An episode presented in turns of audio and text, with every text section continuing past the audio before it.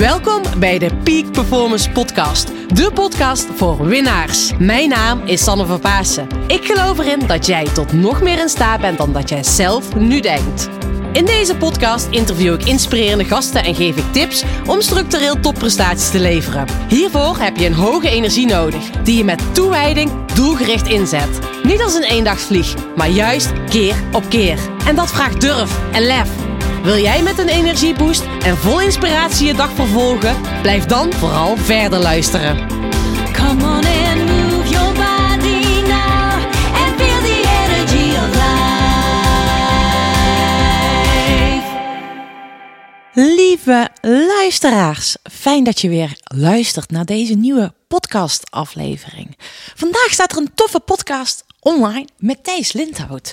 Thijs en ik kennen elkaar ondertussen een tijdje. Thijs heeft mij namelijk een tijdje geleden geïnterviewd voor zijn podcastshow, de 100% Inspiratie Podcastshow. Sowieso een aanrader om zijn show ook te gaan luisteren. En ik vond het nu tijd om hem te interviewen voor de Peak Performance podcast. Want wat hij doet, is in mijn ogen echt topsport. Dat zijn echt topprestaties leveren. En dat is gewoon waanzinnig mooi, want hij staat heel vaak op een podium. Hij huurt theaters af. Hij heeft echt een hele tour door Nederland. Hij heeft komende winter een 12 provincie tour. Nou, super vet is dat. Nou, hij neemt ons mee hoe hij tot hier is gekomen, hoe hij dit heeft weten te realiseren. En daarnaast, hij noemt zichzelf ook serial entrepreneur. Dus hij heeft nog meerdere bedrijven. Hij staat op het podium, hij heeft zijn eigen podcastshow. En daarnaast is hij, zoals hij het nu noemt, investeerder van de duurzame adviseurs. Nou, waanzinnig mooi. En Thijs zal ons ook meenemen hoe hè, dat het belangrijk is dat je je hart volgen, maar dat als eerste belangrijk is dat je weet wat je echt wilt en ja, wat je hart te vertellen heeft. Nou, daar neemt hij ons in mee. Hij heeft hiervoor concrete tips waar je mee in actie kan komen. Dus ik zou zeggen, ga lekker luisteren. Ehm, misschien ben je wel iets aan het doen, of misschien zit je gewoon relaxed of ben je aan het autorijden. Geniet van deze podcastshow, want echt, ik heb genoten van dit interview. Sowieso wil ik ook nog vertellen, de deuren van Club 5211 zijn geopend. De plek waarbij ik ondernemers begeleid om nog meer topprestaties te leveren. Waarbij ik jou help om nog meer de nummer 1 te worden van je business en in je leven. Ik zeg altijd, ik help je zakelijk winnen zonder het privé te verliezen. Nou, en daarbij ga ik je dus helpen hoe je nog moeiteloos meer topprestaties neer kan zetten. Dat is niet zozeer hard werken. Uh, ik ben helemaal niet vies van hard werken, maar ik vind het wel belangrijk dat je dat vanuit de juiste vibe doet. Niet vanuit die verkramping. En nou, natuurlijk ook nog met een heel leuk, tof sociaal leven. Nou, dat is waar ik voor ga. Mocht jij voelen van, oh Sanne, ik kan jouw hulp wel gebruiken. Ik wil graag acht maanden lang door jou begeleid worden, geïnspireerd worden. Zodat jij nog sneller daar komt waar je graag wilt komen. Of zakelijk nog succesvoller te zijn. Of dat het is dat je nog meer voldoening wilt halen vanuit het leven wat je leidt. Dat je nog meer met de glimlach datgene kan doen wat je het liefste doet. Nou, daar sta ik voor. Daar wil ik ook echt voor gaan. Nou, ik wil je in ieder geval uh, voor nu heel veel luisterplezier toewensen. En op het moment dat je voelt, Club 5211 is iets voor mij. Stuur me even een berichtje, een mailtje. Uh, of vul even je gegevens in op mijn website. Op het moment dat ik voel dat ik jou kan helpen, dan plannen we snel even een belafspraak in. Nou, veel luisterplezier met Thijs. Doei doei!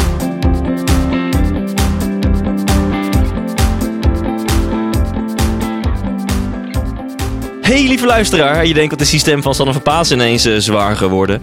Uh, en nee, Sanne is niet onderweg om haar geslacht aan te passen. Uh, dat is totaal niet hier aan de hand is. Ik ben Thijs Lindhout en ik kondig nu Sanne van Pasen aan. Die gaat deze podcast voor jou aankondigen. Hier is Sanne van Pasen. Nou, dankjewel Thijs. Dan we het weer op een unieke manier deze podcast beginnen.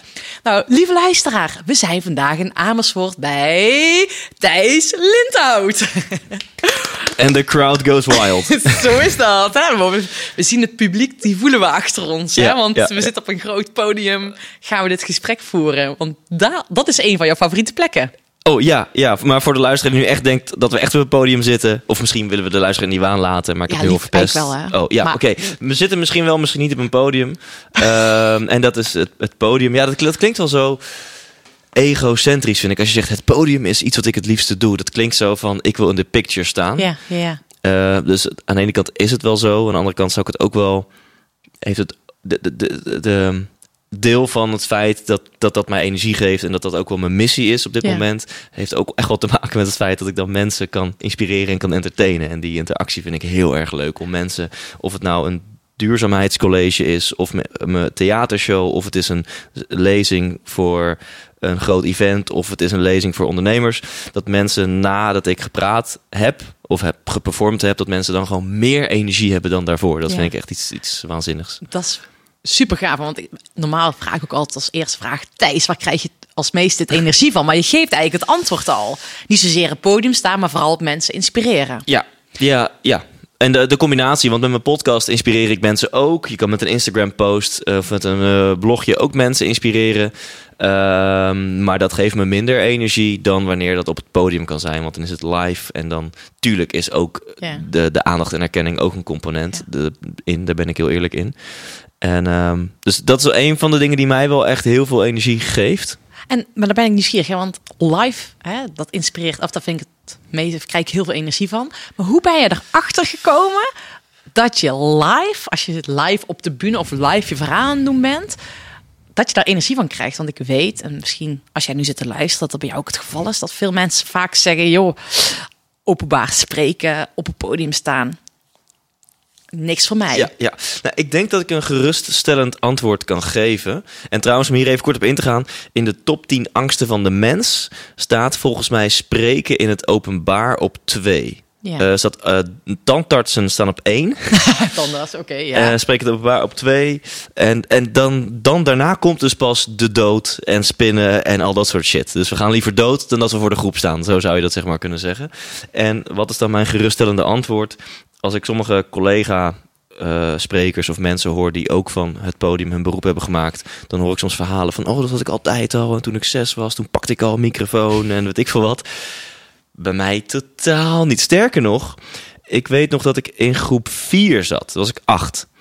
En toen waren, was ik aan het eten in de aula van, van, de, van mijn school. En dan waren ze het podium aan het opbouwen voor de groep 8 musical. Want dat, volgens mij heeft elke basisschool dat. Dat Ja. groep 8 mag dan een musical doen. Dan ben je 12 en dat is dan het laatste wat je een beetje doet. En ehm, toen werd ik vier jaar vooraf al zenuwachtig. Ik dacht, oh shit. Ik keek toen al op tegen groep 8, omdat je dan een keer die musical moest doen. Dat ik echt, man, oh, pff, dat, is gelukkig nog heel ver weg. Maar ik, ik word helemaal naar als ik er al aan denk. Weet ja, je wel. En, en ook als ik spreekbeurten of, of boekpresentaties moest doen op school, maar ook op de HAVO en ook op de HBO, was ik echt net zo zenuwachtig als iedereen uit mijn klas. En het was ook echt niet zo dat ik het beter deed dan andere mensen.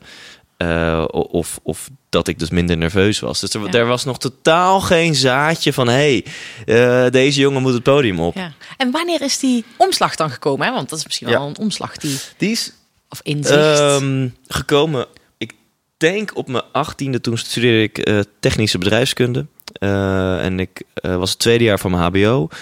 Toen moest ik al stage lopen. En toen ging ik stage lopen bij. was eigenlijk een, een onderdeeltje binnen NS, de Nederlandse Spoorwegen. En die zochten iemand die hun interne milieubeleid. Dus mensen die nu luisteren denken, wat gaat Thijs nu over milieubeleid? Ja, nou, dat was toen eh, mijn functie, waar uiteindelijk dit bedrijf, de Duurzame Adviseurs, uit is ontstaan. Als je dat helemaal... waar we nu zitten natuurlijk, het podium zitten. waar we nu zitten. Ja. Ehm, en mijn stageopdracht was letterlijk: je moet ons milieubeleid handen en voeten geven. Dus we hebben wel milieubeleid. Het was een, eh, een dochteronderneming van NS waar zo'n 160 mensen werkten, verspreid over vijf vestigingen. En ehm, dat was mijn stageopdracht. En ik dacht, want dat beleid was er wel, maar niemand kende het of voerde het uit.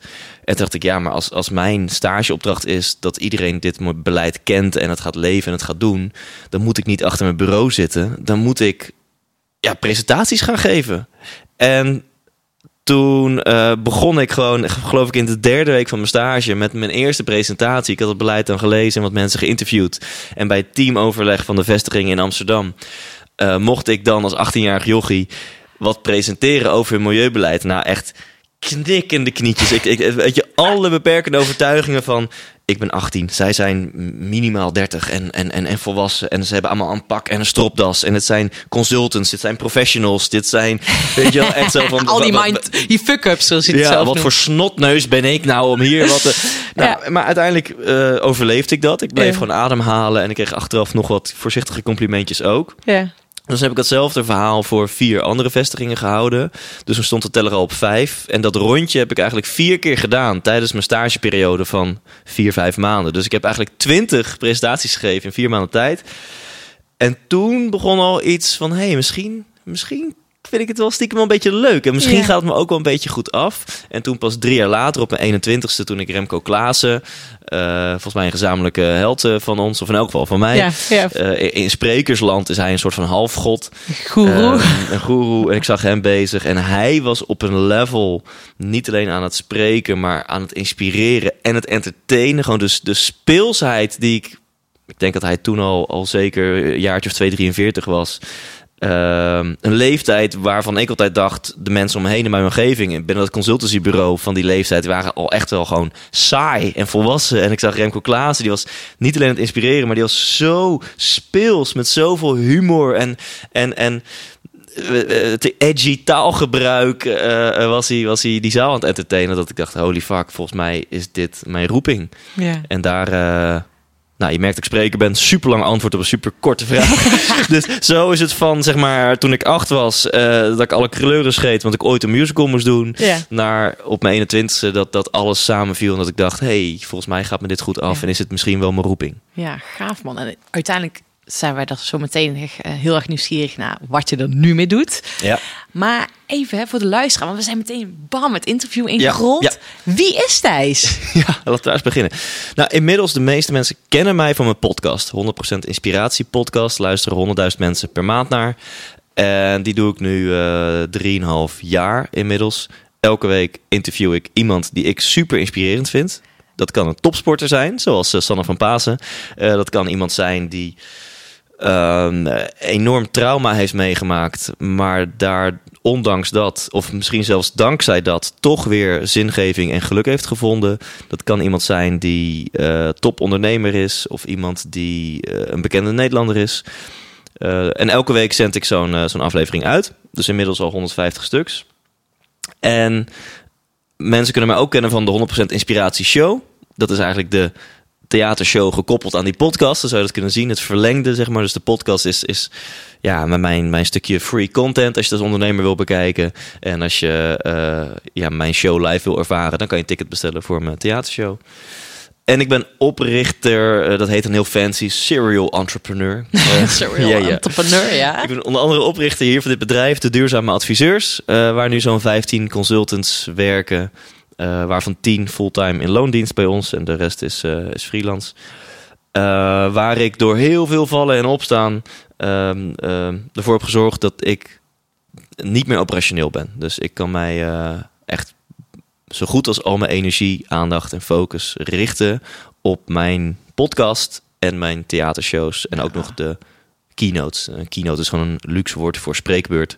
Ja. wat ik doe voor het zakelijke leven. Ja. Ja. Cool, gaaf. En daar ben ik even nieuwsgierig naar, want Thijs, want je hebt nu kort omschreven wat je doet. Ja, En wie is Thijs echt? mooi, scherp. Ehm, speels. Dat is dan toch wel een belangrijke kernwaarde van mij. Ehm, ja, enthousiast, energiek, avontuurlijk. Eh, kan ook wel egoïstisch zijn, eigenwijs. Ehm, super ondernemend. Eh, wil altijd zijn zin. In elk geval binnen, binnen zaken doen context. Ik, ik ben nu gewoon on een rant aan het gaan van allemaal dingen die ja, ik kom ben. Ja. Eh, liefdevol. Is sportief, letterlijk en figuurlijk. Ehm, letterlijk in de zin van dat ik gewoon veel sport. Maar ook in de zin van dat ik, als ik spelletjes doe of zo, dan ben ik altijd eh, gewoon best wel lief. Gewoon dan vind ik wel dat het allemaal eerlijk moeten spelen. Oh, in En, die eh, zin, ik dacht eh, sportief, passief sporten, dat je veel sport volgt. Maar jij bedoelt dat jij, Oh. dat jij sportief bent van... Ja, je bent wat sportief. Als je me, ik, ik, ben dan, ik kan dus in ondernemen. Nou, dat is een zijweggetje, maar fuck it. Kan ik super rebels zijn. Nou, als je vraagt wie is Thijs, dan rebels is ook een heel belangrijk woord voor mij. En dan zoek ik echt wel de grenzen op. En, en dan vind ik het tof om de, echt de rek van de regels op te zoeken. Ja. Eh, om iets heel concreets te noemen, bij bijvoorbeeld een AVG, denk ik, ja, fuck, weet je, hoe kan je nou nog, zeg maar, binnen die maas. Even, ja, binnen, dat, je, dat iedereen het gevoel heeft dat je niet aan voldoet, maar dat je toch net even een maas in de wet hebt gevonden. Dus, om maar, dat is even één voorbeeldje. Dus ik ben aan de ene kant heel rebels en edgy, maar ik ben ook super autistisch in, laten we het wel gewoon eerlijk doen. Dus als je Ja. met mij een potje gaat kaarten of, of, of kolonisten van Catan of zo, dan, dan loop ik helemaal vast als iemand aan het cheaten is of zo. Dat, Ja. dat, dat gaat er dan, dan echt zo'n, als een autist iets van, maar, dat, dat, dat, maar dat, zo werkt het toch niet? Error. Ja, error, error. Zo kunnen we het spel niet verder spelen. Ja, precies. Eh, mooi. Dus Je- een be- be- beetje naïef ben ik ook wel. Laten we die Naïef, dan aan toevoegen. Volgens mij hebben we nu een mooi lijstje Jij hebt van... er heel eh, wat, eh, van ja. En ik was me net even meteen aan meeschrijven. Want je begon als het ware, hè, wie is Thijs? Echt met speels. ja. En hoe zorg jij ervoor? Hè? Want wat je nu is eigenlijk op, opgenoemd, je hebt denk ik misschien wel 10, 15 kernwaarden op hebt eh, opgenoemd. Hoe zorg je bijvoorbeeld dat speelsheid, dat je dat erin blijft houden?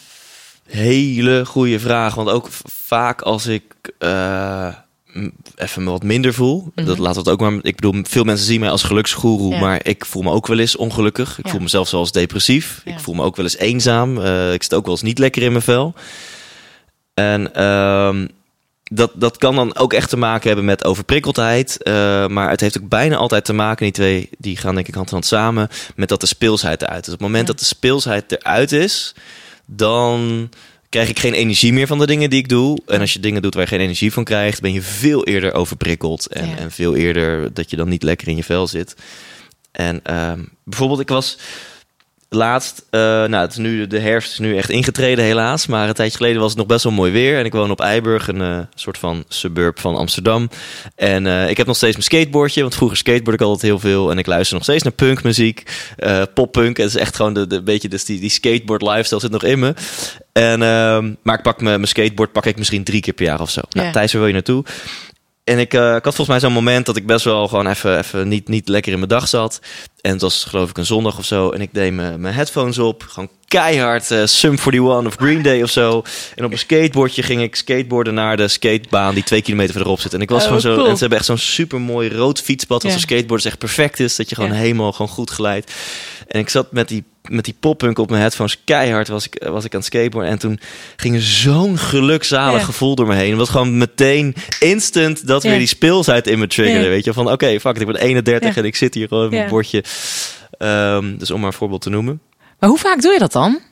Nee, echt, echt niet zoveel. Dus dat, dat zou ik wel. De zomer is nu voorbij. Dus ik, ik vind het jammer dat ik, dat ik maar een paar keer op mijn skateboard heb maar moet het gestaan. daarvoor zomer zijn? Het is wel, zeg maar, met, met een winterjas aan is het toch een andere experience dan dat je gewoon lekker met je t-shirtje en weet je wel. Ik was gisteren, wat jij nu zegt, ik zeg altijd buitenspelen voor volwassenen, weet je. Ja, ja, ja. En ik zit dus veel op de mountainbike. En gisteren was dus, ja, jij zat in de sauna. Het was super slecht weer. En ik zat gewoon op een mountainbike. Toen dacht ik wel weer, oh ja, dit is gewoon weer buitenspelen voor vol- volwassenen. Dat je gewoon toch gewoon naar buiten kan gaan. Ja. Maar je krijgt dus een ander gevoel in dat slechte weer. Eh, of in slecht oh, weer, in die winterjas, krijg je een ander gevoel op je skateboard. Ja, ja, ik ben dan wel. Ik, ik, ik doe elke dag een koude douche. Uh, Ja. Wim Hof heeft me echt wel geïnspireerd om dat te doen. Uh, maar ik ben daarnaast wel toch nog wel een redelijke koukler, denk ik. Ja. Ik vind het niet heel chill als het koud is. Of Ja. het is letterlijk wel heel chill als het koud is. Maar, dat, eh, maar eh, een goede vraag. Hoe bewaar je die speelsheid? Want ehm, ja, dat is dus. Ik wil ook de luisteraar uitdagen om dat die kernwaardes voor jezelf te ontdekken. Bij mij is het speelsheid en rebelsheid. Als dat eruit is, dus als je mij in een keurslijf probeert te duwen, als, als je mij in een, in een kader duwt of zo, dan, dan word ik heel. Dan gaat het niet goed. En dan kom je in die verkramping. In Ja. die, En ik, ik was laatst ingehuurd voor een klus. En ik probeer dit een soort van vaag te houden. En, en binnen die klus had ik het idee alsof ik weer echt, alsof ik weer in loondienst was. En Ja. alsof ik echt moest voldoen aan, aan, aan het eh, kader. aan kaders en aan, aan... Dus mensen gingen echt ineens tegen mij zeggen... oh, maar als je dat doet, dan, ehm, dan is het niet goed. En eh, dat gaan we eruit knippen op die manier. En eh, dit mag je niet zeggen. En eh, je moet meer dat soort vragen stellen. En, en eh, ik, ik, het was echt een cocktail aan emoties in mij aan het borrelen. En in het begin kon ik dat niet plaatsen. En ik dacht, is het mijn onervarenheid? Eh, is, is het voor het eerst dat ik dan echt weer in opdracht van ja. nou, zonder al te veel op, eh, op detailniveau in te gaan wat het dan precies was. Maar uiteindelijk is, was dit mijn antwoord van ja, fuck, dan wordt de speelsheid eruit geslagen. Dus Ja. er komt mogelijk een, een, een vervolg voor deze opdrachtgever. En dan ga ik ook wel zeggen, jongens, eh, of je, je neemt 100% Thijs. En dan wil ik de creatieve lead. En ik wil bepalen wat we wel en niet gaan doen. Ja. Of eh, eh, ja, dan moet je iemand anders gaan zoeken. Ja. Maar dat is heel mooi wat je nu zegt. hoor, Want ik hoor je, ik hoorde het al aan de energie in jouw stem dat je zei. Ik had afgelopen periode een klus. Punt. Bijna. Je hoort gewoon de nadruk op klus. Je energie gaat omlaag. dus je voelt al dat, dat dit verhaal eraan komt. Maar wat je dus eigenlijk zegt, je voelt gewoon dat je niet meer je eigen kernwaarden of niet meer vanuit je hart aan het werk kan zijn, maar dat je meer in je, ja, ik noem het in je hoofd, dat je vanuit richtlijnen aan kan gaan werken.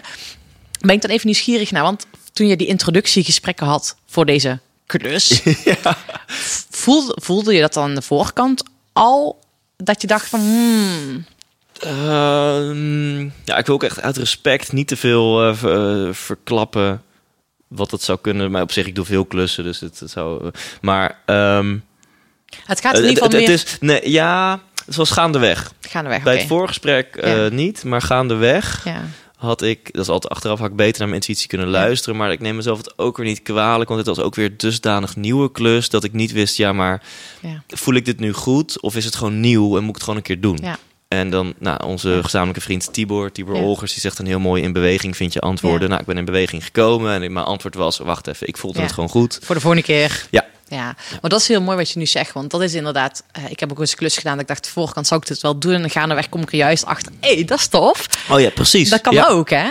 Dus inderdaad, die antwoorden vind je in beweging. Dat is wel heel mooi. En nu heb je Ja. weer geleerd. Ik had laatst, en dat is ook wel een mooie link en speelsheid. ehm, ik had laatst een, een, een eh, andere klus. Ik kan wel vertellen wat dat was. Het was een, een Baker Tilly ondernemerscollege. Dat is een soort van eh TEDx, maar dan in het Nederlands. Dus Mhm. ook gewoon, je krijgt 12 minuten eh, met zes camera's op je bakkes. Relatief klein publiek, 60, 70 ondernemers in de zaal. Maar het gaat vooral om het video, om het filmpje wat daarna op YouTube komt. En als Ja. het even mee zit, tienduizenden keren wordt bekeken. En ik was zo knetterzenuwachtig voor deze klus. Gewoon twee weken aan de scheid, bij wijze van spreken. En ehm, door, door verschillende dingen. Ik dacht, ja, maar ik vertel nooit mijn verhaal in 12 minuten. Dat is al, Bam. dat, is, dat is Ja. al de, de, de, in de creatieve uitdaging van fuck, hoe ga ik mijn boodschap Ja. terugbrengen naar 12 minuten. En mijn kracht op het podium is de interactie, de entertainment, dingen met de, dat, dat moet je niet doen op een video, want Nee. YouTube kijken heeft er geen boodschap aan dat jij de zaal, eh, weet ik veel wat laat doen. En ook een deel van mijn kracht is dat ik allemaal anekdotes uit mijn podcast vertel. Ik ja, maar nu word ik geboekt voor wat ik als geluksgoeroe dan mijn visie op geluk is. Dus nou, aan alle kanten vond ik het spannend. En toen dacht ik ook van shit, is dit dus een gevoel van dit moet ik eigenlijk niet doen. Misschien wil ik dit helemaal niet. Ben ik gewoon die theatermaker? Ja. En, en is dat mijn podium? En, en, en, dus ik zat van tevoren echt zo, oké, ik ga dit doen. Ik vind het super spannend, maar ik hield er rekening mee met van, nou, misschien moet ik dit gewoon niet meer aan. En er komt ook een TED-talk, een echte TED-talk aan. Dus ik dacht, nou, misschien Ja. moet ik die gaan afzeggen. Dit is gewoon misschien niet mijn ding. Ja. Maar dit was de andere variant. Dus dit Ja. was gewoon zo nieuw. En dat deed ook gewoon een beroep op onzekerheden in mij. Want hey, je kan je niet meer verschuilen achter trucjes met de zaal. Je kan je niet meer verschuilen achter wat andere mensen vinden over geluk. Je moet nu gaan zeggen, wat is vanuit jouw lessen, jouw visie op geluk. En wat wel was, als, ik, en je mensen, als ze dit horen, kunnen ze het gewoon terugkijken. Want hij staat nu dus gewoon op, op YouTube. Je ziet wel een Thijs waar echt de speelsheid uit is. Dus door die, door, omdat ik het zo spannend vond, was dus de, eh, de, de speelsheid uit mijn verhaal. Ja, ja. Eh, en dat heeft natuurlijk de, de, de zenuw alleen maar vergroot. Eh, maar dit is wel een voorbeeld waarbij ik achteraf dacht van... wauw, dit heeft me zoveel gebracht. Het, ik heb echt in mijn ontwikkeling als spreker... heb ik echt een sprong gemaakt hierdoor. Want ik heb sindsdien... Nou, dit was maar 2,5 weken geleden, die opnames, denk ik. Ik heb sindsdien alweer een stuk of zeven, acht keer op het podium gestaan. En die gingen allemaal zo lekker. Ja, het was echt even zo'n Ja. soort van...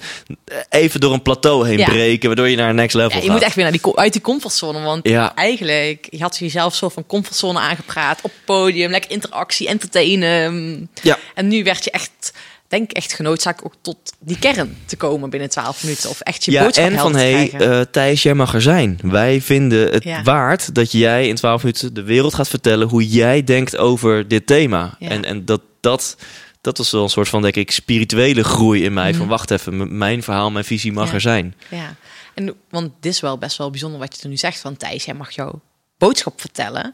Heb je dat nog niet eerder gevoeld? Want je vertelt heel veel en je deelt ook heel veel. Maar had je dit nog niet eerder bij jezelf zo bewust gevoeld? Of? Ehm,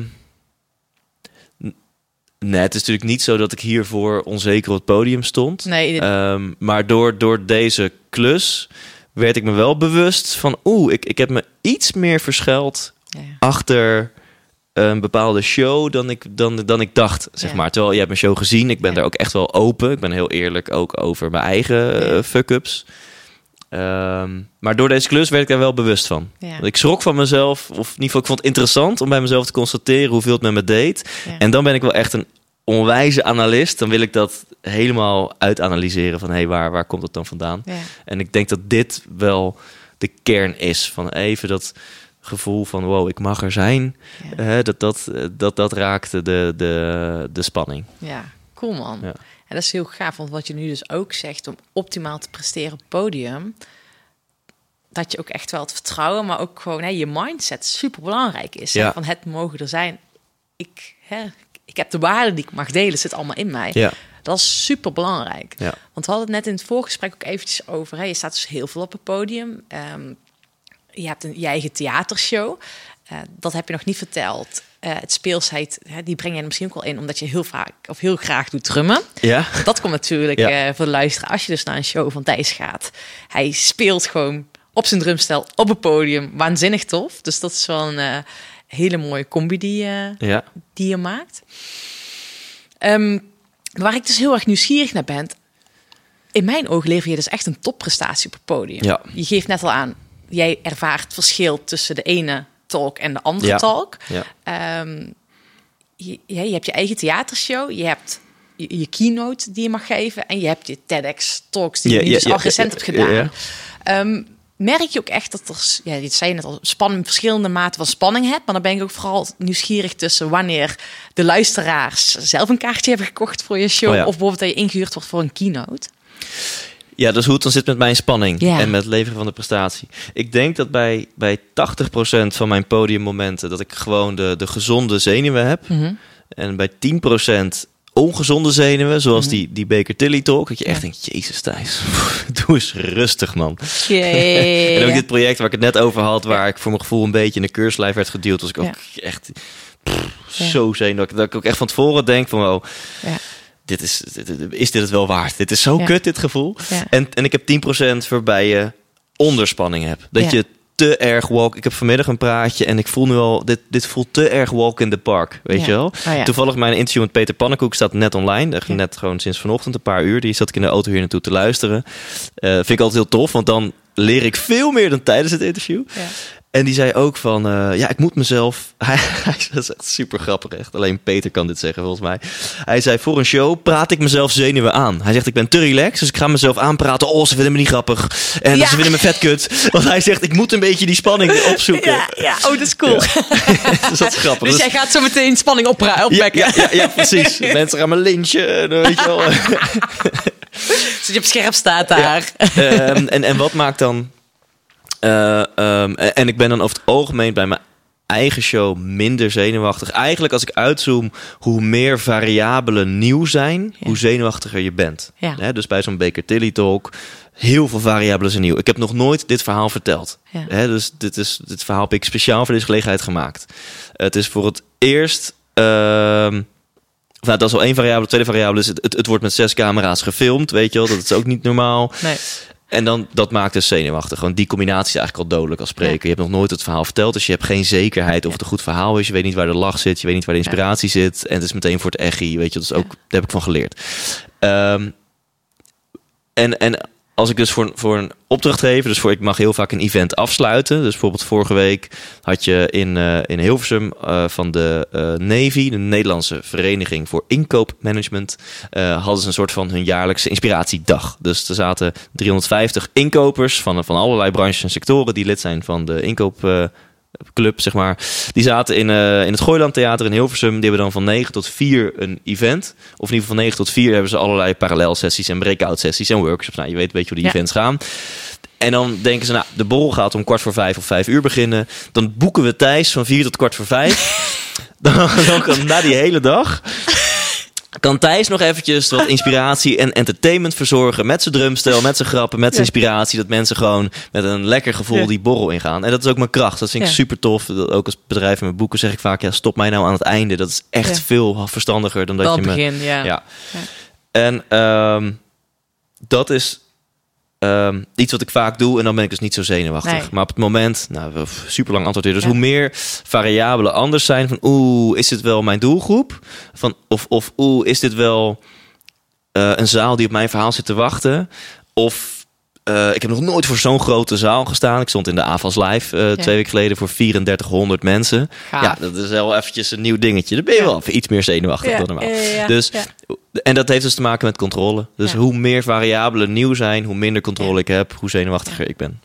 Ik vind het wel grappig, want ik wil dus nu eigenlijk gaan lopen. Waarom? Omdat ik dan bedenk van, heb jij dan, hè, als voordat je het podium opgaat... ehm, en misschien na aanloop dat je hè, vanmiddag die lezing gaat geven... doe je dan nog iets specifieks dat je denkt... ik heb dit nodig om mijn ideale state of mind te komen? Ehm, beetje. Ik, ik, ik zorg wel altijd, als je ook die Baker Tilly Talk nu zal bekijken... eh, dan zou je denken, hè, was je hier zo zenuwachtig voor? Want ik loop echt helemaal met geheven borst gewoon Ja. Podium op en ik neem het applaus gewoon. Maar dat is gewoon de ervaring. Dus ik weet altijd, ik, hoe zenuwachtig ik ook ben, die knop gaat om. Ja, En, en ik weet, dat vertel ik ook bijna in al mijn shows, hoe belangrijk lichaamshouding is voor Ja. jouw staat van zijn.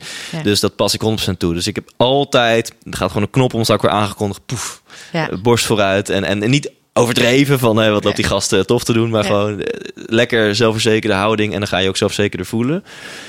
Ehm, ik ben heel bewust van mijn focus, want gedachten bepalen ook hoe je je voelt. Dus als jij je focust op nou, wat Peter Pannenkoek Express doet, als jij je focust op wat als die PowerPoint het niet doet, wat als de zaal het beter weet dan ik, wat als ik een kritische vraag krijg, wat als ik een blackout krijg, weet je, nou, eh, wat als mijn cue-cards kwijt zijn. Nou, weet je wel, als je daar focust, dan krijg je gratis zenuwachtigheid Ja. gepresenteerd van je onderbewuste. Dus ik ben me daar heel bewust van. En dat kan echt super misschien wel zweverig zijn. Gewoon affirmaties van, hey Thijs, weet je wel, jouw energie is zo goed genoeg. Je kan dit, je hebt het Ja. zo vaak gedaan. Die mensen op jou te wachten. De sfeer zit er goed in. Het wordt een leuke show. Weet je, als ik probeer... Eigenlijk wat het belangrijkste is, focus je op jezelf of op de zaal. Als Mhm. je op jezelf focust, al die gedachten zijn samen te vatten tot, tot één ding. En dat is, ga ik het wel goed doen? Ga ik wel een goede job doen? En dat is met alle liefde super egoïstisch. Ja. Als jij je focust op, er zitten daar 10, 20, 100, 200 mensen in de zaal. En wat gaaf dat zij een tijd investeren. En ik wil ze wat interessante dingen vertellen. Ik wil dat die mensen. Dit, gek genoeg zou je ook kunnen denken: oh, dit klinkt als een zware last op je schouder. Maar je doet een beroep op volgens mij een hele andere universele wet. Want je doet een beroep op geven in plaats van op nemen of ontvangen. Want ga ik het goed doen, is toch self-centric, zeg maar. En als je je focust op, oh, ik, ik, bijvoorbeeld vrijdag stond ik voor, voor 60 ondernemers en toen ging ik bewust denken van, oh, ik heb zoveel zin om mijn ondernemerslessen met ze te delen. Want het, is, kan zo waardevol voor hun zijn als, als zij een aantal fouten niet maken die ik wel heb gemaakt. En dan kan je bijna niet meer zenuwachtig zijn. Dan word je gewoon excited. Dus Ja. ik ben me heel bewust van mijn focus en, en mijn, Ja. mijn lichaamshouding. Ja, vooral die laatste die je zegt, hè, focus in plaats van op jezelf. Hè, in, eh, dat je gaat focussen op het geven in plaats van wat krijg ik ervan? Of ga ik het wel goed doen? Nee, wat kan ik ze geven? Dat is denk ik voor... Ja. Want gebruik je deze les ook in andere topics in je leven of andere richtingen in je leven? Ehm, ja, dit, dit, dit zou je ook wel kunnen zien als een soort van life hack. Hè? Ja. Wat je met je lichaam doet. Eh, je lichaamshouding en je focus Ja. bepaalt hoe je voelt. Ehm, dus ik probeer... Ik, ik pas hem echt met name toe voordat ik het podium op ga. Maar als Ja. ik een spannend telefoongesprek heb... eh, ik heb dus een aantal bedrijven, dus je moet wel eens pittige gesprekken met mensen voeren die voor je werken. En dat is nooit leuk, zeg maar. Dus, dat ook, dus voor, voor spannende momenten kan ik het ook wel, wel toepassen. Borst eruit. Het is een beetje fake it till you make it, maar het werkt. Ja, nee, Ja. maar dat is, dat is wel zo, weet je. Ik merk dat, dat is eigenlijk met die sporters ook die ik eh, begeleid, eh, ook tegen de ondernemers, maar ook vooral sport, eh, met sport heb ik dat zelf ervaren, dat je voor de wedstrijd start met een blik, weet je wel. Dat, Ja. dat je eigenlijk zelfverzekerd om naar die andere kan kijken en dat je daardoor al de wedstrijd kan winnen, weet je. Ja. Dat is gewoon, Ja. je voelt in ieder geval meer die vibe dan, Ja, ja, en je wordt minder beïnvloed door die ander, want dat is natuurlijk ook belangrijk. Ja. Wel heel erg mooi. En wat is nou het vetste wat je ooit hebt gedaan op het podium? Ehm, ik, ik denk dat het dan toch super recent is. Twee, twee weken geleden AVAS Live. Ehm, en over topprestaties gesproken. Eh, ik ga weer een 3400 aanloopje... mensen, hè? Dan was het, hè? Ja, ja, ja. Ik, ik ga een aanloopje nemen, maar dit is denk ik een leuk verhaal. Eh, want mensen die er in de zaal zitten, die zien mij opkomen lopen... denken, oh leuk, Thijs is er ook. Op het moment dat ik opkom lopen, ben ik al fucking acht uur in die, in die ruimte. En dat is meestal wel korter bij een optreden. Maar ik neem mijn drumstel mee, dus het moet gesoundcheckt worden. Dus bij dit specifieke optreden ehm, moest ik daar om tien uur 's ochtends zijn... Eh, want de, om backstage alles klaar te zetten. Dus samen met mijn, eh, met mijn eh, technicus bouwen we dan alles op. Eh, Mijn laptop en mijn drumstel en alle techniek die erbij komt. Dat stond dan om 12 uur ongeveer klaar. Toen was het wachten op de pauze. Nou, de pauze was pas om 1 uur. Toen de pauze begon, wij meteen dat drumstel het podium oprollen. Of oprollen Het moest met een heftruck, want het, podium was twee meter hoog of zo. Of een meter hoog, I don't know. Nou, en in de pauze dus tussen 1 en 2 alle kabeltjes aansluiten. Soundcheck doen, de videobeelden. Heb ik het juiste geluid op mijn headphones, bla bla. Oké, pauze bijna voorbij. Drumstel weer aan de zijkant van het podium eh, rollen. En daarna is het twee uur en ik was pas om zeven uur. Maar dit moest dus allemaal vanwege... Ja, je kan Ja. niet gaan soundchecken als die zaal vol is. Ja. Dus lang verhaal kort, lang verhaal lang eigenlijk. Je bent van 10 tot 7 jezelf soort van... Je Oh. bent continu een beetje al in die hogere hartslagmodus van... Ja, je bent er niet helemaal chill. Je, Nee. je zit er niet van, oh, eh, een dagje Nee. wellness. En vooral omdat het 3400 man is. Wat je dagelijks Ja. doet. Dus, ja, dus ergens zeg je systeem ook, je mag niet in de chill mode. Je Nee. moet nu scherp zijn. Ja, En het, het zou functioneel zijn als dat pas om kwart voor zeven gebeurt. Maar dat, ja, je bent al in die environment, in die ruimte. Dus je bent van tien tot zeven zo, zo, zo aan het opladen. Maar het was heel kort. Ik was de afsluiter van het event, dus ik had maar tien minuten. Maar 10 minuten. Ja, dus in die 10 minuten, ik denk drumquiz, mensen gingen uit hun dak. Ik, ik speelde zo het begin van We Will Rock You. Oh ja. De bedoeling is dat mensen dan gewoon, het is een quiz, dus mensen moeten gewoon raden welk liedje het is. Dus Ja. mensen moeten gewoon roepen, oh, dit is Queen, We Will Rock You. Ja, meneer, op rij 1, goed geraden. Volgende, weet je, dat is een beetje Ja. het concept. Maar ik begin dus in die avonds live met dus wel ook een vrij serieuze geluidsinstallatie. Begin ik zo, doef, doef, doef, doef. Heel. En 3400 man beginnen gewoon. We will, we, maar dan niet eh, vals. eh, te zingen. En ik denk, wow. Eh, nou, en ik heb nog wat verteld over liefde. En een paar grappen uit mijn show. En nog een medley gedaan. En die 10 minuten was echt. Ja, zo echt denk ik het gaafste moment. Met je gewoon. Wel een soort van bijna, ik realiseer een droommoment. Ik zou natuurlijk Zo. ooit in de avonds live met mijn eigen show gewoon twee uur volledig willen staan. Ja. Uh, maar dit was, dit was zo kicken. En ook om bij mezelf te merken van... hey, dit, dit voelt goed. Ik ben niet... ehm, ik, ja, dat is dus echt... Ik was niet super zenuwachtig. Ja. Uh, de- van, hey, dit, en toen ik ook helemaal stond... het voelt super comfortabel om 3.500 mensen toe te spreken. Oh, Maar dan over topperspatie gesproken. Daarna, na 10 minuten, gleek ze het podium af. Van, eh, mijn naam is Thijs Lindhout, dankjewel. Tot volgend jaar. Weet je, love you.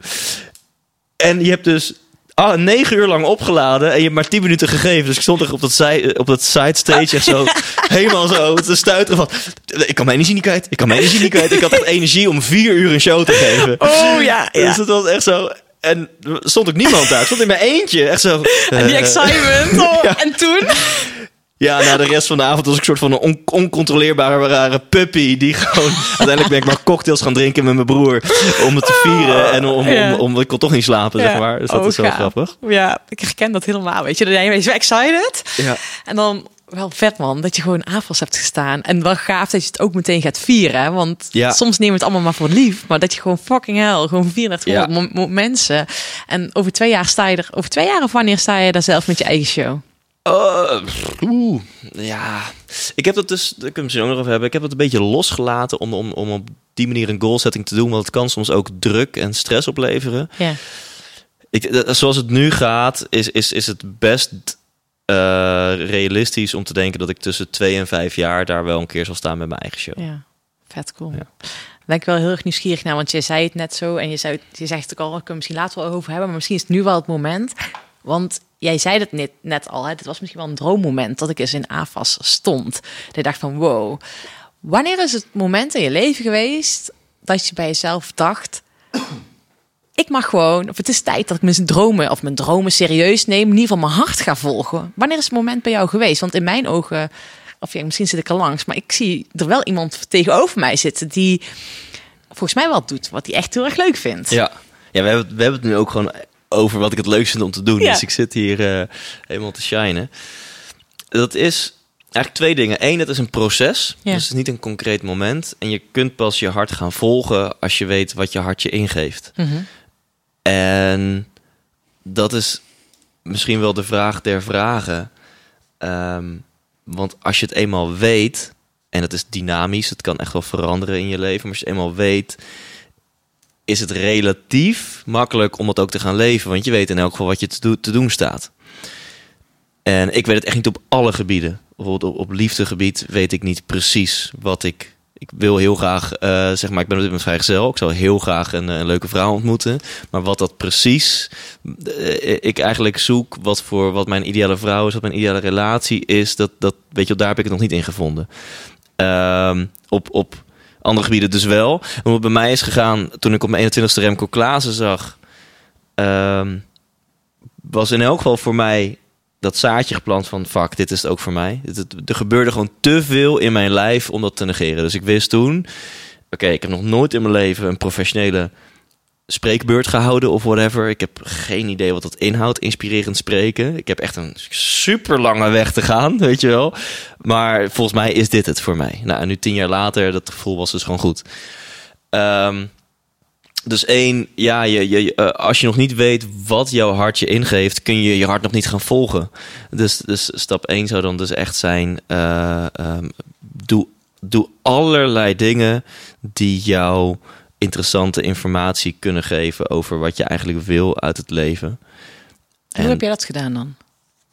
nou, ik had dus het geluk dat ik dat ineens voelde. In elk geval Ah, dit ja. gebiedje tijdens Remco Klaassen. En wat ik daarna ben gaan doen is compleet uit de bocht vliegen met alles wat je introspectie zou kunnen noemen. Dus, dus de tocht naar binnen toe. Wie ben ik? Wat wil ik? En dat heb ik gedaan door middel van seminars.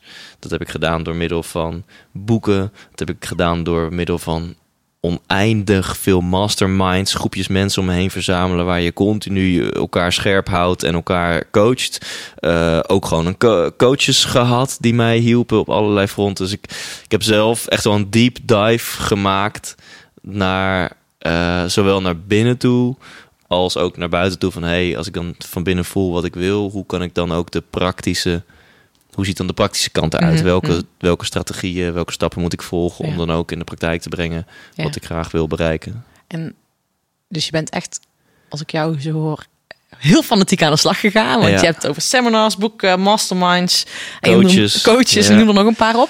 Maar als we nu één ding, hè, want ik kan me voorstellen dat sommige luisteraars misschien wel hebben van je hart volgen.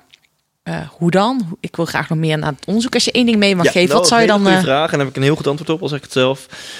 En dat, dat is stilte, leegte, rust, geen prikkels. Echt, je gaat no fucking way dat jij al timeline scrollend op Instagram ineens een epiphany moment van inzicht hebt van "Oh, dit is wat ik wil, weet je wel. ja. Dus ik was gisteren een dagje naar de sauna. En eh, dat is nog steeds wat, wat, wat het belangrijkste voor mij is om in balans te leven. Om genoeg momenten van weinig tot geen prikkels in te plannen. En, en dat is echt mijn nummer één advies. Ehm, als je niet weet wat je wil, moet je dat op gaan zoeken. Is het door elke dag een kwartier gewoon voor je uit te staren? Leg een pen en notitieblokje neer voor creatieve ingeving. Maar ga eens een kwartier per dag, telefoon of flight, maar eens voor je uitstaren. Misschien wil je een wandeling maken. Misschien denk je nou, ik ben net als Thijs, zo'n gekkie die het net even wat extremer aanpakt. Ik ga naar het bos, gewoon op zondagmiddag. Ik zorg ervoor dat mijn agenda helemaal leeg is. Ik kan, kan als ik wil vier uur in het bos blijven. En ik ga gewoon even wandelen en, en, en op een boomstronk zitten en, en, en nadenken en voelen en schrijven. Wat het dus ook is, misschien ga je dus een coach opzoeken, maar de, de, de onderliggende waarde, advies is, is zoek die, die stilte, die, die leegte op. Dat is wat mij betreft het allerbelangrijkste om, om interessante inzichten op te doen Ja. over jezelf. Mooi.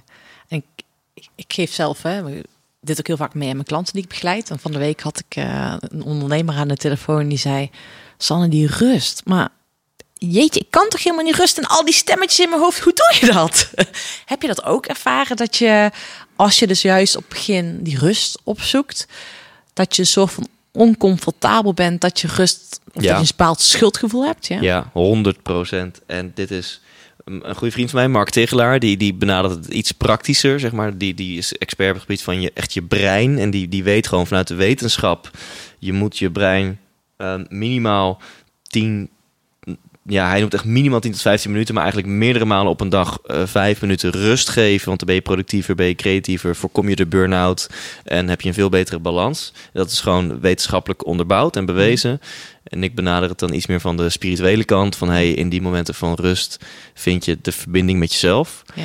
Eh, maar ook, en dat zegt zowel Mark als ik, ja, je vindt ook verveling. Je vindt ook eenzaamheid. Je vindt ook ongemak. En dat is dus een teken dat je dat dus niet meer gewend bent. Wij kunnen niet meer omgaan met momenten van geen prikkels. En dat is ongezond. Dus het moment dat jij in de rij bij de appie je telefoon pakt om deze drie minuten te doden. Als jij op het toilet je telefoon pakt om die drie minuten te doden. Als jij aan het wachten bent op je trein en je pakt je telefoon. Holy fuck. Dan je dus al die momenten waarin je eventjes gratis een momentje kon hebben van... I don't know, gewoon even niks. Gewoon even afdwalen met je gedachten. Toch weer die prikkels op gaat zoeken. Dat is gewoon super slecht voor, voor de verbinding met jezelf, zegt ene Thijs Lindhout. En is super slecht voor jouw brein, zegt Mark Tichelaar. Ehm, en vervolgens, die we nog wel koppelen hieraan. Stel, dit ga je doen en je vindt antwoorden. Je vindt zaadjes in die momenten. Eh, dan moet je wel in beweging gaan komen. hè? Stap 2. Dat is echt wel stap twee. En je hoeft niet zeker te weten, maar doe dingen. Weet je, Ja. neem die zangworkshop. Ja. Eh, probeer eens een dagje vrij te nemen Ja. en dan naar de KVK te gaan. Eh, Kijk eens of, weet ik veel wat, weet je wel, eh, cupcakes bakken iets voor jou is. Ja. Eh, Als je coach wil worden, geef desnoods je buurman geld om hem te coachen. Om eens een keer zo'n gesprek te doen, om te kijken of dat iets voor jou is. Ja. Weet je wel, dus de, de, de verhouding moet wel gezond zijn tussen die momenten van stilte, rust, waarbij je hopelijk de verbinding vindt en waarbij je hopelijk tot wat ideeën komt. En dat dan ook gewoon gaan testen. Ja. Gaat experimenteren. En net zei het al, hè? antwoorden vind je in beweging. Precies. Ja. En dat is super belangrijk dat je dat dus gaat doen. Ik vind het heel mooi. Hè? Ik denk dat het ook wel goed is om voor de luisteraar om hier echt mee in beweging te komen. En Thijs, een van mijn uitspraken die ik heel vaak doe is: hè, ik help mensen zakelijk te winnen zonder privé te verliezen. ja. Wat heb jij? Hoe resoneert deze uitspraak met jou? Mooie open vraag. Ik vind het sowieso een fantastische, fantastische uitspraak. Dus complimenten daarvoor dat je die hebt bedacht. En, ehm, maar ik moet dan meteen denken aan de... eh, want de meeste van je luisteraars zijn ook ondernemer, toch? Dat is jouw. Ondernemend, onder, ondernemers, ondernemend, in ieder geval ambitieus en willen hun doelen behalen. Ja, ja, ja. Dan, nou, even dan toch specifiek voor de ondernemer. Eh, je wil vaak gaan ondernemen omdat je droomt van een bepaalde vrijheid. En wat wil je dan met die vrijheid? Wil je je ideale levensstijl leven? Hè, dat is, en dat, als onderdeel daarvan is waarschijnlijk ook dat je denkt om met meer passie eh, je geld te verdienen. Omdat iets wat jou echt leuk lijkt, wa- waar, wat echt bij jou past, om, om daar je beroep van te maken. Maar je droomt waarschijnlijk ook van om op te staan wanneer jij wil. Of om de kinderen vaker naar school te brengen. Of om vaker naar Bali te gaan. Of om, eh, I don't know, weet je, bepaalde vrijheid, bepaalde ideale levensstijl. En dan ben je dus zakelijk aan het winnen zonder privé te verliezen. Ja. Wat heel vaak gebeurt, is dat dat precies wordt omgedraaid in de praktijk. Je onderneming, of je nu ZZP'er, freelancer bent, of je hebt meteen al personeel, of whatever, je hebt een team. Je onderneming kost veel meer tijd dan je had verwacht. Eh, het, de marketing en sales loopt net even iets minder dan je had verwacht. Eh, je komt jezelf vaker tegen dan je had verwacht. Eh, meer prikkels, meer verwachtingen, meer to-do. Zo, een boekhouding komt er ook nog bij. En voor je het weet, slokt en onzekerheid. Ineens merk je, fuck, die onzekerheid vind ik toch Ja. lastiger dan ik dacht. Dus ik ga Ja. controle uitoefenen, resultaat. Harder werken. Je gaat harder werken, meer uren maken. En je bent dus in de praktijk exact het tegenovergestelde aan het doen. Je bent eh, misschien zakelijk niet eens aan het winnen. eh, en, maar je bent sowieso privé aan het verliezen. Jouw levensstijl leidt onder je business. Ja. Nou, dan wil je ongetwijfeld een eh, voorbeeld uit mijn eigen leven. Eh, oh, Sanne kijkt me vragend aan. Van, ja, Heb je die dan? Ik dacht jij- dat jij als geluksgoeroe dat je dat... ja, ja, precies. Nee, mensen, mijn leven is perfect. Maar als dat. Eh, nee, het, het, meest concrete voorbeeld in mijn leven is dat, dat ik twee jaar geleden een iets heb gehad wat je wel een burn-out zou kunnen noemen. En, ehm, eh, en dat, dat kwam hierdoor. Dus door, door veel te veel uren te draaien in, in iets waar je niet voldoende energie van krijgt. In iets wat dus niet de- want je kan, dat zegt ook Mark Tegelaar, om hem nog maar te quoten. Je kan prima, en ik zou het niemand aanraden, maar je kan prima 80, 90 uur per week werken.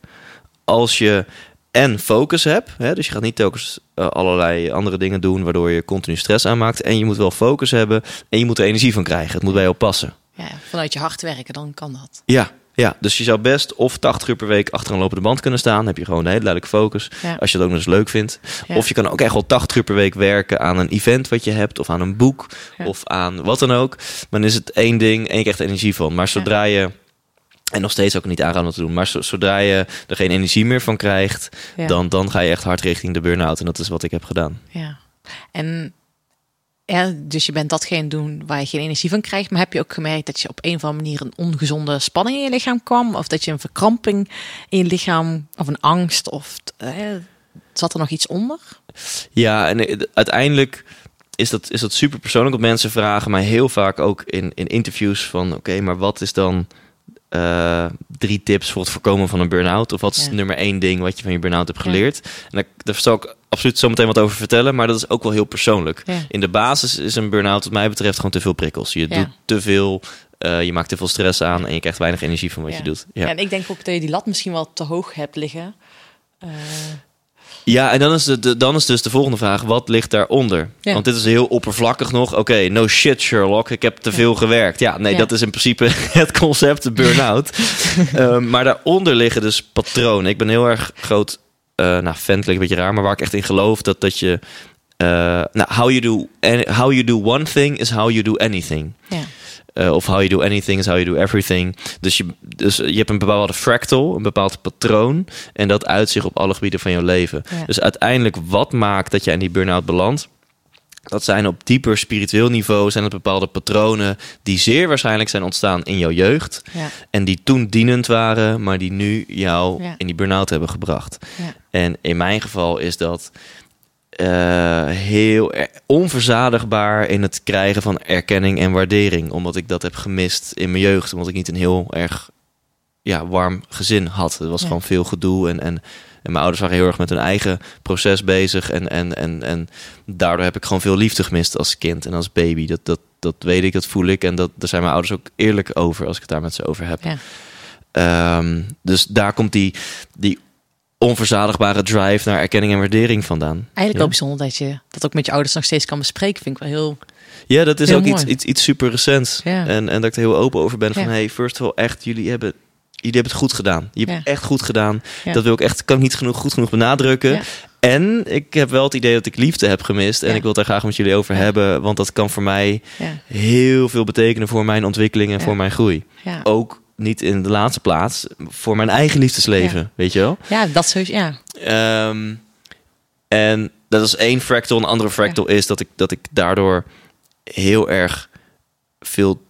Ik wil heel erg graag nodig zijn. Ja. Want vroeger had ik dus, is er een verlatingsangst ontstaan. En dacht ik, oh, maar als ik nuttig ben... als ik maar waarde toevoeg aan anderen... eh, dan zullen ze me niet verlaten. Want als ik nodig ben, hebben mensen me nodig. Nou, vrij logisch. En dan zullen ze me niet verlaten.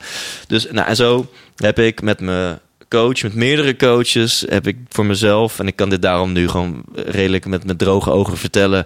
Om, omdat, eh, ja, omdat ik hier al zo vaak eh, de, de sessies in heb gedaan... Om het bij mezelf te ontdekken. En dat is dus voor iedereen... Dat zou ik iedereen willen uitnodigen om te doen. Zeker als je een burn-out hebt, maar ook als je hem wil voorkomen. Van hey, waarom doe jij de dingen zoals je ze nu doet? Ja. En, en uit welk patroon komt dit? Want, want bewustwording is echt meer dan 50% al. Ja, definitely. Ja, en ik vind het zo mooi wat je zegt. En sowieso ook over met betrekking tot je ouders. Ehm, ik heb, je hebt mij ook geïnterviewd eh, voor jouw podcast. En daar heb ik ook een stukje meegenomen in mijn verhaal. Ik herken ook heel veel. Hè, toen ik vastliep in mijn sportcarrière, kwam ook veel terug vanuit mijn opvoeding. Hè. Ik heb op boerderij opgegroeid, vooral niet lullen maar poetsen mentaliteit. Maar wat ik mooi vind aan jouw verhaal, maar misschien ook wel waar de luisteraars veel aan kunnen hebben. Je bent met je ouders ook het gesprek aangegaan, maar echt vanuit die liefde, weet je. Je zegt van, joh, su- super dankjewel. Hè, jullie zijn echt super goede ouders geweest. En daar geloof ik ook echt in, weet je. We zijn allemaal eh, met de beste intenties eh, opgevoed, grootgebracht. En eh, onze ouders doen het allemaal op hun manier, hebben ze het gewoon goed gedaan. Eh, en dat vind ik heel mooi dat je het zo hebt benoemd. Ja, thanks. Ik denk het is super waardevol ook voor de luisteraar. Van op het moment dat je het gesprek, maakt niet uit of je met je ouders een persoonlijk gesprek hebt, maar sowieso als je een, weet je wel, eh, doe dat vanuit liefde en eh, niet verwijtend. Want iedereen, ik ga er van altijd vanuit dat de ander het vanuit die beste intentie Ja, doet. ja, absoluut. En ga daar bij jezelf dus ook na, want dat wil je eigenlijk zeggen, ga eens bij jezelf na van welke patronen heb je ontwikkeld en waar komen die misschien vandaan? En ga dat eens onderzoeken, want dat is wel heel mooi. Ja, ik, ik vind dit als zeg maar persoonlijk ontwikkelingsjunkie eh, vind ik dit super fascinerend. Eh, maar ik denk dat dit iedereen verder helpt in het leven. Want ehm, om, even, om dan nog iets praktischer te maken. Zo vaak als jij je ergert, en, en, en de belangrijkste context is denk ik je, je, je partner, je liefdesrelatie. Zo vaak als jij je ergert, heeft het eigenlijk te maken met een ongenoegen in jezelf. Ja. En holy fuck, wat wordt je relatie dan een stuk eh, fijner en, en, en ontspannender als, als, je dat, als je dat weet van jezelf. De- de- de- de- dus dat, dat je de verantwoordelijkheid bij jezelf van nou, wacht eens eventjes, dit heeft veel meer met mij te maken dan met jou. Ja. Om even een voorbeeld te noemen. Ja. En vooral ook veel mooi dat je dat eh, in een relatie benoemt, zeg met het voorbeeld ervan. Want wat ik vaak ook zie met relatie, eh, bij de mensen die ik begeleid, bij de ondernemers die ik begeleid, maar ook weet je, mijn eigen relatie. Ehm, het is zo makkelijk om met je eigen relatie, weet je, daar vloep je ooit dingen eruit, zeg maar. Hè, dat is echt je spiegel of je spiegel. Ja. Ehm, omdat die zo dichtbij staan. Ja, ik zeg altijd, die moeten de meeste shit opvangen. Ja, ja, absoluut. Die- De mensen waar jij je het meest op je gemak voelt, Ja. die, die krijgen de hardste wind. Ja, ja, ik vind het zo jammer eigenlijk. hè. Terwijl die mensen juist de meeste liefde. En. Maar dat is alleen maar een compliment. Dus mocht je thuis ooit of eh, waar dan ook veel shit vangen, is een compliment. Want eh, mijn, mijn broer en ik, wij durven elkaar echt zo hard te bashen. En, en eh, dat is wel grappig. Hij luistert al mijn podcastafleveringen. Oh, cool. Maar komt altijd met kritiek. En ondertussen is hij zo ontzettend trots, weet je wel, dat ik dat doe. Is hij echt mijn grootste fan ook. En, en dus andersom, bij deze, hè? Ja, en andersom, ik ook richting hem, weet je wel. Dus we zijn... En terwijl we in het gewone leven best wel soms wat meer voor onszelf op mogen komen. Ja. En, maar bij elkaar, omdat die relatie Ja. zo veilig is, omdat we Ja. zo onvoorwaardelijk van elkaar houden, Ja. eh, durven we precies Ja. elkaar dus die, die, dat, Ja. die, die tegengas te Ja. geven. Maar dat vind ik wel mooi, want dat is ook wel mooi als je dicht bij elkaar staat. Ik heb het met mijn zusjes ook. eh, het is prima dat je gewoon elkaar tegengas geeft, maar dan is die relatie mag nog steeds hetzelfde zijn. Ja. Dus die liefde kan Ja. tussen elkaar nog steeds prima zijn, ondanks dat je een meningsverschil of eh, Ja. ander, geval, ander inzicht hebt. En dat is Ja. wel super Dat waardevol. is even dan een super concreet tipje voor mensen die leiding geven. Ja. Dus als je mensen in je team hebt of je uit, je stuurt mensen aan. Oké, ja, dat is super ongevraagd, maar, maar dit is, heb ik. Als je, als je te maken hebt met mensen in je team, dan kan het zomaar eens een waardevolle tip zijn. Want, want ik heb daar eh, heel wat jaren over gedaan voordat ik echt goed die switch kon maken. Van wacht eens eventjes, dit is een hele andere context, heeft deze relatie, dan een vriendschap. Ja. In een vriendschap is de currency eh, liefde, denk Ja. ik. Ja. Wissel je liefde uit. En als het even kan, is die onvoorwaardelijk. En dan is die omgeving volledig veilig en alles kan en alles mag. Ja. In een zakelijke relatie is er een hele andere variabele, de essentie. Namelijk, ik geef jou een zak geld. Ja. Daarvoor moet jij bepaalde dingen doen. En doe jij de dingen die jij behoort te doen voor die zak geld die ik Ja. jou geef. Dat is de relevante variabele. Daarnaast kan jij super lief zijn. Kan je misschien in een hele moeilijke privé-situatie zitten. Vind ik jou echt de mooiste ziel op aarde. Maar dat is even niet relevant. In deze context is relevant. Doe jij de dingen die jij behoort te doen voor de zakgeld die ik jou geef? En zowel als werkgever als werknemer, als je dat kan inzien, of daar ook gewoon letterlijk open over kan zijn, maakt dat gesprekken zoveel makkelijker. Dus ik, dit zeg ik niet letterlijk hoor, maar bij wijze van spreken zeg ik tegenwoordig letterlijk in het soort gesprekken van... hey, Sanne, je bent echt goed genoeg. Ik vind je echt een topchick. Daar gaat het nu even niet om. We hadden volgens mij afgesproken dat je dit zou doen en dat heb je niet, gedoen, niet, niet gedaan. Dus we hebben volgens mij wel een probleem. Hoe gaan we dit oplossen? Ja. Weet je wel? Eh, nou, even tussendoor Ja. een, eh, een tip. ja, maar dat is ik denk super waardevol. Dat je, je, dat vind ik ook, want dit heeft ook met een stukje mindset. Hoe ga jij de wedstrijd in, letterlijk, Ja. hè? of letterlijk het gesprek aan? Vanuit welke visie, invalshoek? En op het moment dat je de, de wedstrijd ingaat, van, hè, dat je die vriendschapsrelatie in het hoofd hebt, dan vind je het lastig om dat gesprek op een Ja. andere manier te voeren. Dat is 100% Ik ben hier zo. Hier, ik heb zoveel mensen. Het ben ik te lief voor geweest. Ja. Om, omdat je dus denkt, oh, maar ik vind je aardig. Weet je wel. Ja, maar dat is, dat is even niet relevant. Nee, Weet je ja, wel? nee, nee. Ja, dat, is, dat is ook niet relevant. Nee, Ja. heel mooi. En Thijs, ik ben eigenlijk nog gewoon heel erg nieuwsgierig. Hè? Want je, we hadden net over zakelijk winnen zonder privé te verliezen. Jij neemt het je mee uit jouw heftige periode. Je hebt ook al een aantal tips gegeven. Waar mensen nu al veel aan hebben. Hoe ze nog meer zakelijk succesvol kunnen zijn. Of in mijn ogen waren dat ook vooral tips. Ook hoe je meer kan ontdekken wie je bent. Ja. Maar als je nog eens een paar concrete dingen mee kan geven, wat zou je dan de luisteraar aanraden om nog meer zakelijk te winnen zonder privé te verliezen? ja. en Bedoel je dan echt, echt de balans? Of, of, eh, Financieel succes. Nee. ja, nee, want ik, ik, tips over zakelijk winnen, dat zijn goede tips. Maar dan, die zeggen dus nog niks over de balans. Nee, je ik, voor mij gaat, draait het vooral om de balans. Ja, om het totaalplaatje. Ja. Ja. Ja. want anders dan eh, moeten mensen maar naar het gewoon een marketingpodcast of een. eh, Ja, misschien, eh, want dat is sowieso ook wel leuk. Hè, van wanneer ben jij in jouw ogen zakelijk succesvol? Oh, wauw. Ehm, ik, het eerste in me opkomt is denk ik ook het beste. Dat is als ik de dingen kan doen die ik, die ik wil doen. Oké. Ehm, dus als ik.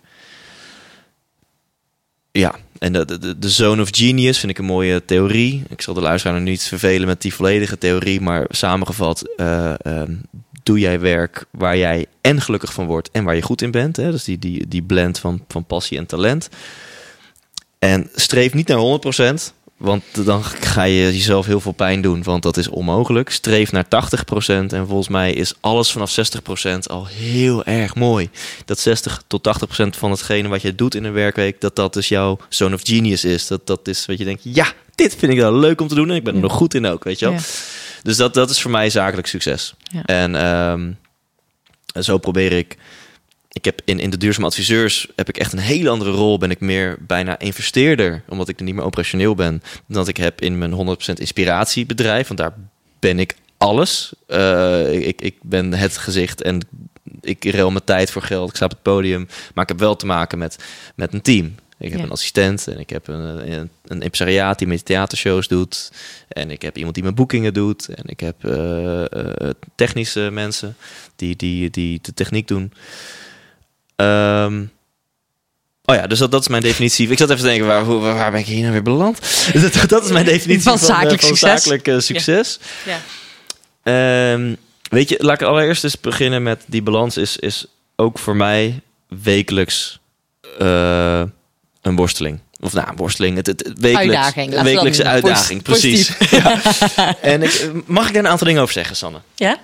Eén, ik quote even Tony Robbins. Die zei laatst iets in een interview. En ik dacht, oh, dit is, vind ik zo verhelderend. Hij zei, volgens mij is balans overrated. Ja. Nou, nu flikker jij van je stoel misschien. Nee, nou, I know. Ik vind het ook eens een vaag woord. Dat is ook balans. een heel vaak. En hij, hij zegt van stel, stel het lukt je. Hè? Dus je hebt zeg maar, als je het hebt over balans, dan heb je het eigenlijk over dat jij alle gebieden waar jouw leven uit bestaat, dat je die de aandacht geeft die het wil geven. Ja. Dus dat je een, dan heb je een perfect week. Als je een perfect week hebt, heb je in die zeven dagen heb je tijd besteed aan je gezondheid, je sporten, je voeding. Je hebt tijd besteed aan je partner, je gezin, je vriendschappen. Je hebt tijd besteed aan je hobby's, je passies.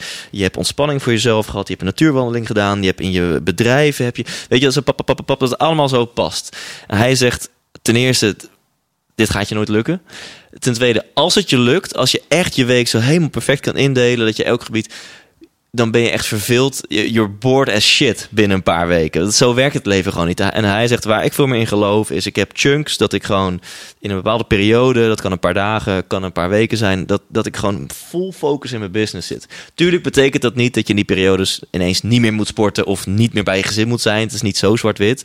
Maar ik vond het heel verhelderend. Het is heel normaal om soms periodes te hebben waarin iets meer focus heeft. Dan Ja. moet je gewoon even knallen in je business. Ja. Zolang er maar ook periodes zijn waarin je even alles los kan laten Ja. en volledig kan ontspannen. Ja. Eh, bij voorkeur op vakantie. Ja. Of, of, of periodes waarin je echt volledig met je, met je partner, met je liefde of whatever. Dus dat vond ik al verhelderend. Van hey, dat is, dat is misschien een veel haalbaardere balans dan dat je in elke week, en dat, dat heb ik zelf in mijn eigen leven echt vaak kapot geanalyseerd, geïnspireerd door allerlei goeroes die weer zeggen, je moet elke zondagavond een evaluatiemomentje hebben. En dan ging ik mijn hele Wheel of Life erbij pakken en allemaal regels voor mezelf opschrijven. Ja. En dan elke keer ging ik weer Ja. oordelen, oh ja, ik heb deze week, ja, ik had eigenlijk elke dag een half uur willen drummen. Ja, ik had eigenlijk elke dag eh, twintig bladzijden willen lezen van een eh zelfhulpboek of van een managementboek. En oh, dat is niet gelukt. Nou, ga je weer lekker oordelen. Ja. Lekker fijn. Ja, nou dat is één. en bij- mezelf persoonlijk, misschien kan ik daar de meeste inspiratie uit halen door gewoon te vertellen hoe het bij mij gaat. Ik had afgelopen week wel weer eh, eh, twee momenten dat ik dacht, ah shit Thijs, daar ga je weer. Weet je, ik voelde gewoon weer die overprikkeling. En sinds ik die burn-out heb gehad, is, is, die, is dat, dat, dat emmertje sneller vol. En ehm, dat is een vloek en een zegen. Want het is eigenlijk een zegen, want mijn lichaam geeft nu super snel aan. Oh, dit is te veel. Maar dan was het gewoon te veel in de afgelopen paar dagen, Ja. misschien één à twee weken max, weet je wel. Maar dan voel ik het al. Dus ga ik, eh, en bij een burn-out heb je. eh, loopt het emmertje heel langzaam vol en ineens zegt je lichaam... ja, afgelopen zes jaar was iets te veel. Weet je wel? En dan is de herstelperiode ook wat langer. Is ook iets langer, ja. Ja. Dus nu eh, geeft mijn lichaam het heel snel aan. En natuurlijk baal ik dan. Maar Ja. dan, dan weet ik gewoon meteen... Oké, wacht even. Wat gaan we doen? Even agenda open. Waar krijg ik stress van? Ik, ik ga dan heel intens voelen. Van dan zie, kan ik gewoon meteen... Voel ik meteen... Oeh, woensdagochtend dat interview. Of, of, of die eh, avondje uit met vrienden. Dat, als, ik, als ik dan dat zie, maar die voelt niet goed. Dan moet die eruit. Ja. En dus afgelopen week ha- had ik, eh, had ik zo'n moment. En eh, nou, gisteren, ik had gisterochtend, dat is niet ideaal, op zondag had ik nog een, een gig. Dus ik had gisteren een optreden om, om 12 uur. En eh, van 12 tot 1. En daarna heb ik nog even nageborreld en om twee uur autootje ingestapt naar de sauna gegaan. En Oh. gisteren van 2 tot 10 lekker in de sauna geweest. En ehm, dus, dus hoe ik balans vind, is, is door bij mezelf die sensor voor hey, hoe vol zit mijn emmertje, eh, door die heel goed in de gaten te houden Ja. en, en door daar heel snel op te anticiperen Ja. als ik voel dat ik eh, En durven te strepen ben. dus. en durf, durf, durf te strepen. Mijn assistent heeft echt, nou, ik zou bijna willen zeggen, 50% van haar functie is nee zeggen. Dus op Ja. eh, Ja. een, een eer, eh, eh, of in ieder geval bijzonder zeg maar dat wij dit gesprek eh, vo- voeren, want jij bent door de keuring heen Ik gekomen. ben yes, yes. Ja, ja. want ehm, ja, er komt gewoon nu best wel veel op mijn pad. Ik doe, Ja. doe gewoon veel toffe dingen en, en ik doe steeds meer dingen die, die, die in de picture staan. En dan willen heel veel mensen Ja. willen, willen koffie, willen een interview, willen sparren, willen feedback. Ja. En eh, ja, dat...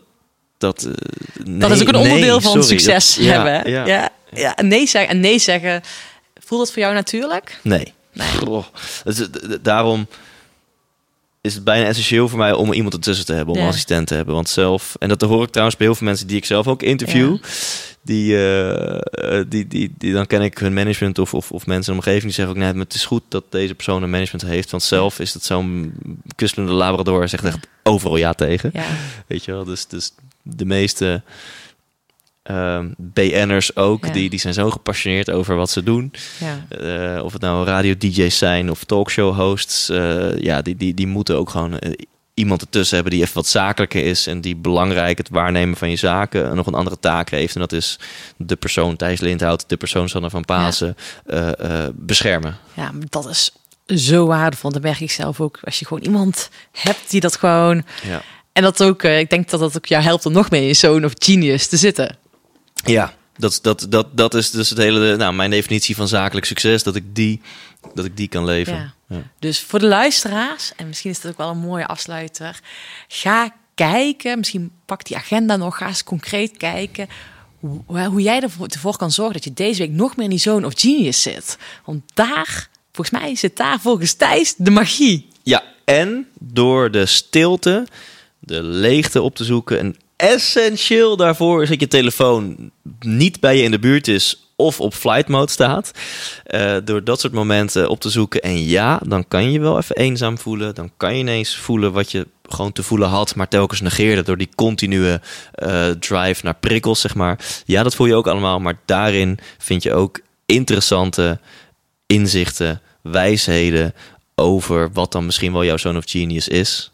En ga daarmee experimenteren. Ja, kom in actie, hè, want dat is belangrijk. Ja. Weet het, kom in actie. Of ga het onderzoeken, kom het in actie. En dan ben ik nog even nieuwsgierig naar.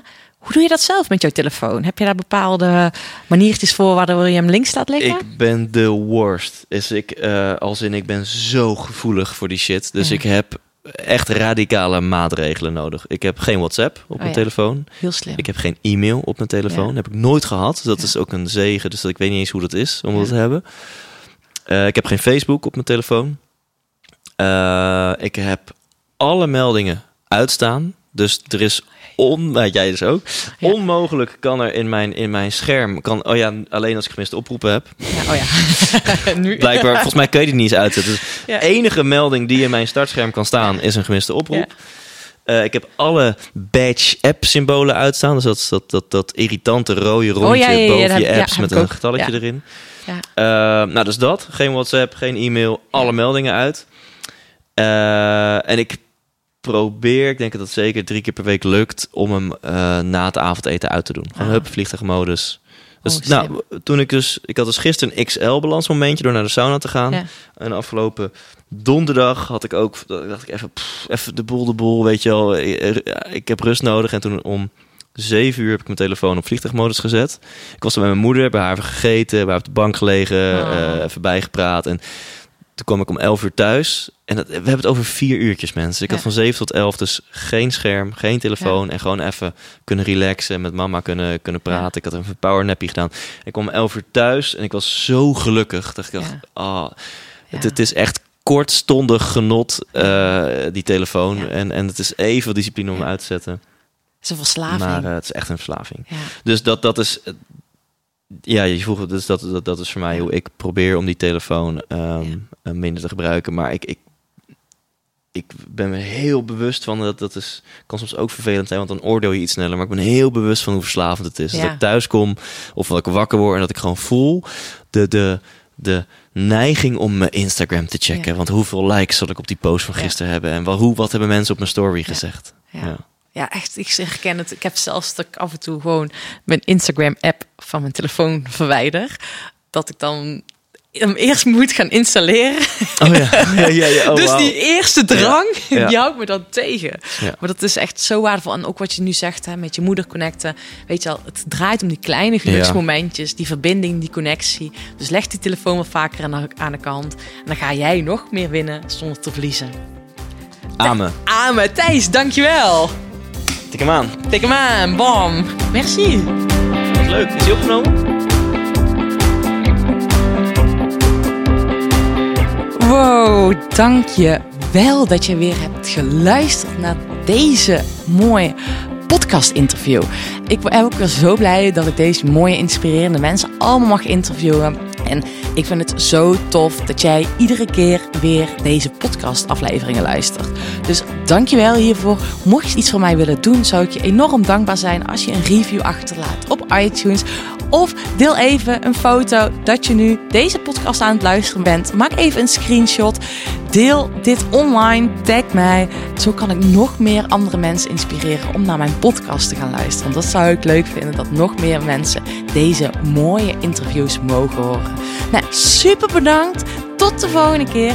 En ik wil je een hele fijne ochtend, middag of avond toewensen. Geniet ervan. Zet die lach op je gezicht en enjoy. Come on